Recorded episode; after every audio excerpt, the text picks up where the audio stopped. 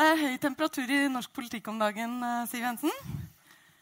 Da, har, du, har du oppdaget noe ikke jeg har gjort? Det er, det er fristende å begynne der. Eh, vi kommer ikke unna asylpolitikken. Eh, men denne debatten skal jo også handle om de lengre linjer. Vi skal snakke om utenriks og innenriks, klima, migrasjon, integrasjon, økonomi, skatt, arbeidsledighet og omstilling. Og om hva Norge er og kan bli. I går uh, Ja, aller først. Du er jo allerede historisk. Du brakte Frp inn i regjering. Hva håper du skal stå igjen etter deg?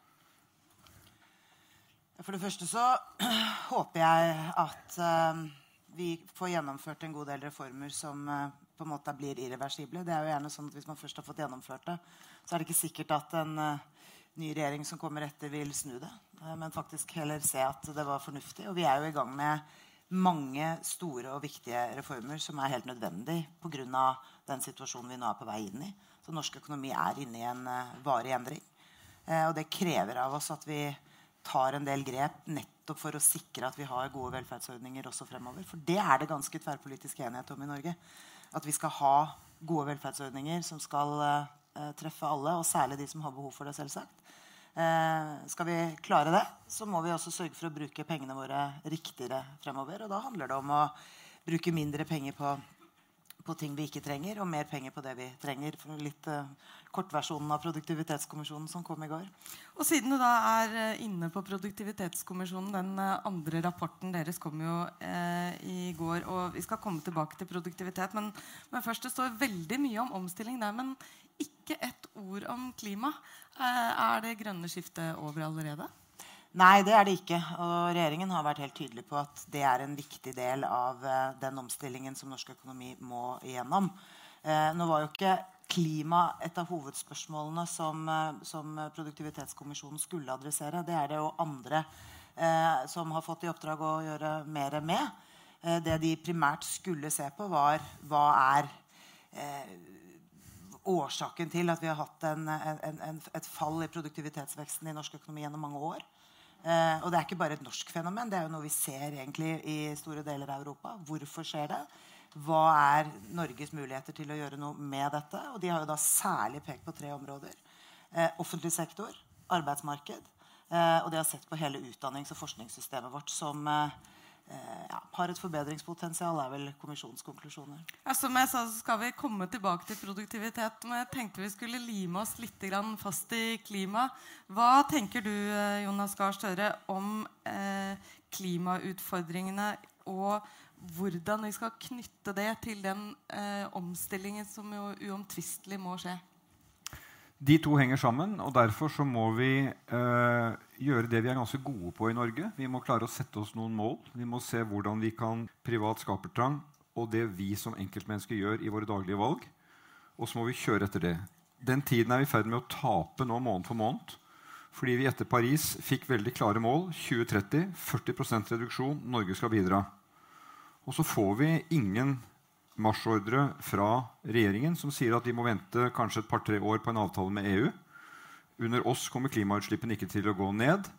Uh, og virkemiddelbruken ligger helt, helt på det jevne. Uh, og det mener jeg er, er uh, veldig beklagelig. Fordi vi skal gjøre veldig mye i samfunnet vårt nå som skal ha virkning fram mot 2030. Og det bør denne debatten egentlig handle litt om. Hvor er vi på vei som samfunn? Og vi er et samfunn i Europa som vokser. Vi blir flere. Vi får flere i byene våre. Vi blir flere eldre, og vi skal møte et stort teknologisk skifte fra digitale, digitalisering, automatisering, robotisering. Der ligger det også muligheten til å gjøre ting på nye måter. Uh, særlig hvordan byene våre kommer til å vokse. Og hvordan du og jeg, fra vi knytter uh, søppelet, den grønne og den blå, uh, tar valg. Vi må gå mye lenger i den retningen det man kaller en sånn sirkulærøkonomi, hvor vi bruker ressursene bedre. Så jeg mener at vi, vi, ruster oss for dårlig i det. Når vi snakker om omstilling fra regjeringen, så er det altså skattekutt, og det er det der bildet om at eh, ja, det, er, det, er, et bilde av pisk uh, og uh, urettferdig fordeling. Og det ruster oss dårlig for å gjøre den jobben vi skal i det store globale dugnaden. Men hva helt konkret ville du ha ønsket at Siv Jensen kom med?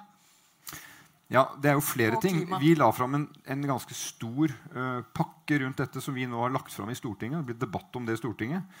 Uh, og det er på en måte uh, små og store ting. Altså, som at vi skal ytterligere øke, gjøre det som virker, ytterligere øke det uh, klimateknologifondet som gjør at industrien får støtte til pilotprosjekter for å ta det teknologiske skrittet de skal gjøre.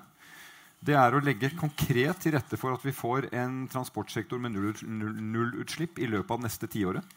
At ingen biler blir kjøpt solgt i denne byen, i dette landet, som har utslipp i to trinn fram mot 2030 at vi gjør ordentlig løft, slik at vi bygger fartøy til sjøs som ikke har utslipp, nullutslipp. Der kan vi med en aktiv næringspolitikk si at når vi skal bytte ut uh, flåte, uh, fergeflåten på Vestlandet, så kan vi legge til rette for at verftene våre bygger med nullutslippsteknologi. Det er noen eksempler. Og så ønsker jeg meg et program for smarte byer. For det er byene som er testarenaen for ny teknologi, for fiber, for løsninger, for transport, for måten vi bygger på. Uh, måten vi håndterer avfall. Uh, og da hadde jeg ønsket at vi hadde diskusjon om det fra januar etter Paris i desember. Isteden så har vi altså ingenting, og da må vi på Stortinget uh, sette den dagsordenen. Hva sier du til det, Siv Jensen? Mye av det arbeidet regjeringen nå jobber med, er jo basert på et klimaforlik som jeg ganske bestemt mener at Arbeiderpartiet var en del av. Men du var ikke en del av det? Nei, fordi du ikke ville at vi skulle være en del av det. Men vi ville gjerne få lov å være med. Så, så sånn, sånn gikk det. Men, nå vil du leke. nå har i hvert fall vi arbeid, ansvaret for å følge opp en del av intensjonene i det forliket. Og eh, jeg syns det er fint at Støre peker på både klimateknologi, transportsektor, eh, skipsfart eh, og for så vidt også de smarte byene. For på alle disse områdene er vi jo i gang. Vi har altså styrket eh, alle disse, altså både klimateknologiordningen, miljøteknologiordningen. Vi har lagt på, på plass betydelige eh, ekstra midler eh, inn i mange av disse fonds- og teknologiordningene. Nettopp fordi det sakte, men sikkert stimulerer næringslivet til å ta andre valg enn de ellers ville gjort. Dernest har vi jo gjort en systematisk endring av bevilgningene til transportsektoren. Det handler jo ikke minst om hvordan vi innretter transport i de store byene.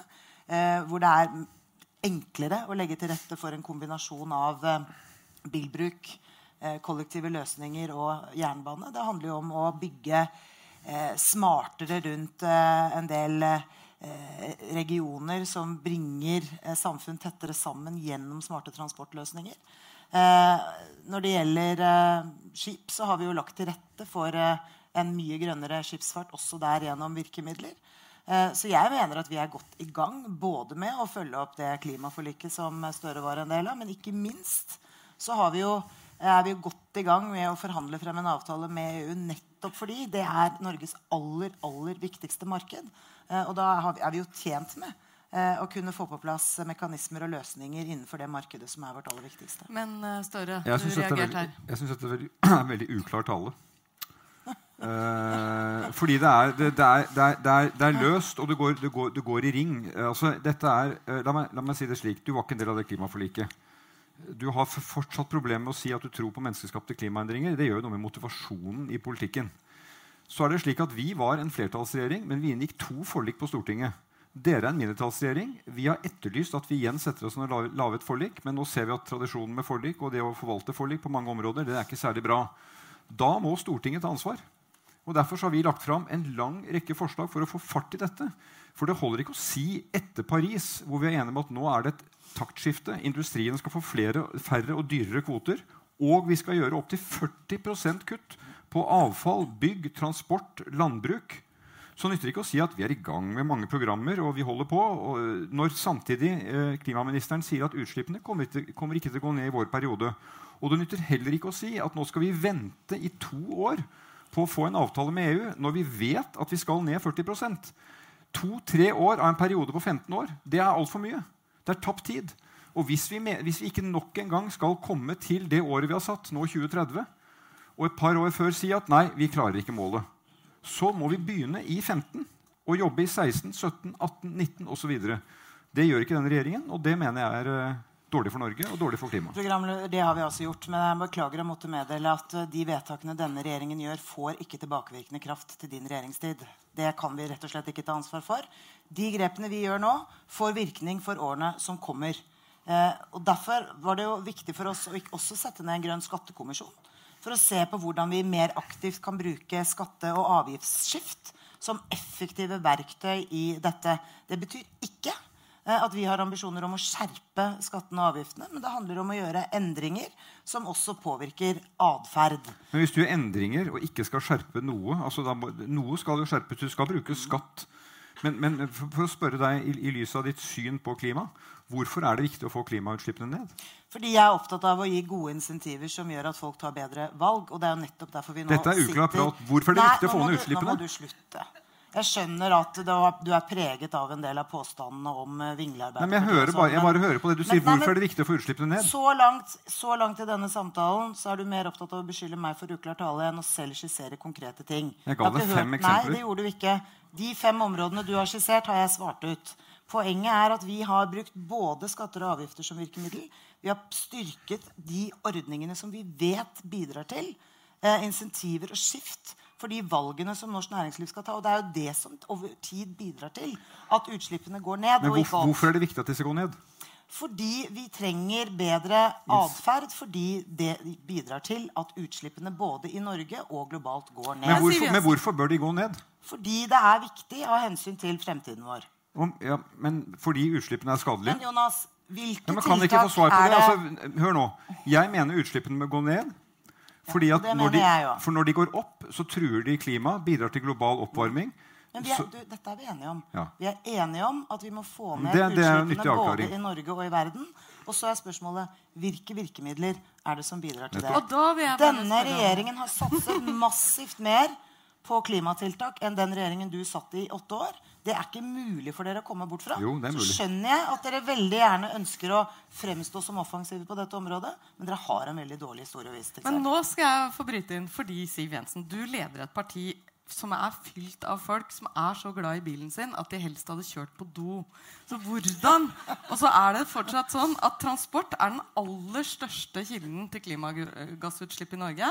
Og det økte med 30 eh, fra 1990 til 2013. Veitrafikk er den aller, aller viktigste og største kilden.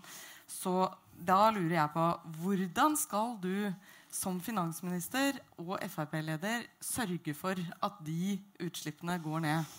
Det ene er jo at vi har valgt å opprettholde elbilprivilegiene eh, minst i, eh, i denne stortingsperioden fordi vi ser at det virker. Det bidrar jo til at andelen elbiler i Norge går opp, og mye raskere enn i de fleste andre land det er mulig å sammenligne seg med.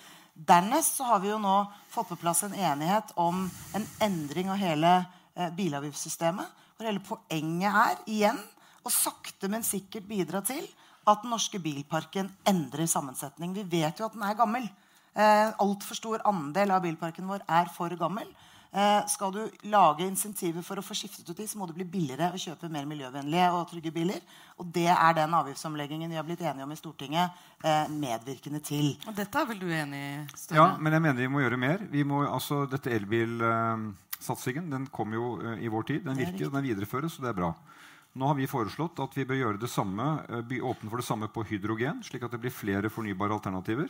Og da kommer vi til å komme dit. Vi har sagt 2025 skal det bare selges enten hybridbiler eller elbiler. eller hydrogenbiler, Og i 2030 bare nullutslippsteknologi. Jeg tror det kommer til å skje før. For når man setter slike mål, så innretter faktisk bilindustri og teknologiutviklere og batteri- og hydrogenprodusenter seg etter det.